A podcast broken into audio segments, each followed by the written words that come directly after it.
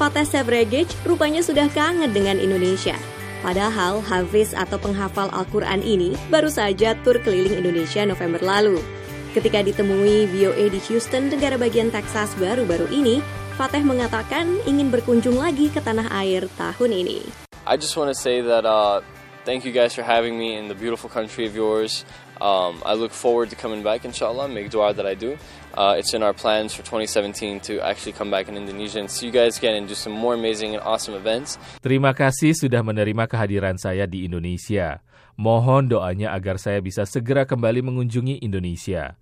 Saya sudah merencanakan datang lagi tahun 2017 ini dan melakukan berbagai kegiatan.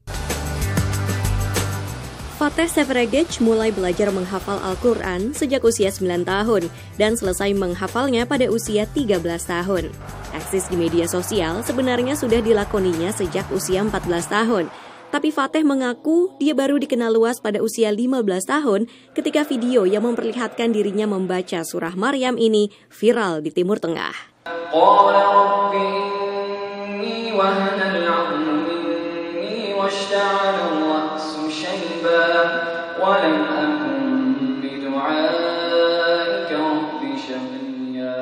Sejak itu, Fateh mulai serius menjalani perannya sebagai hafiz, tur ke berbagai negara, dan menjadi inspirasi bagi mereka yang ingin menghafal kitab suci umat Islam itu.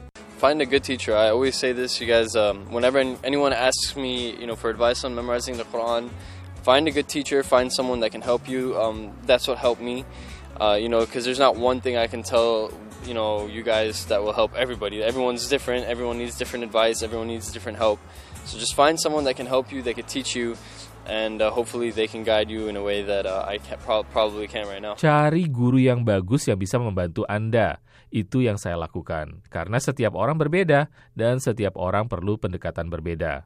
Maka carilah guru yang bisa membantu dan memandu Anda.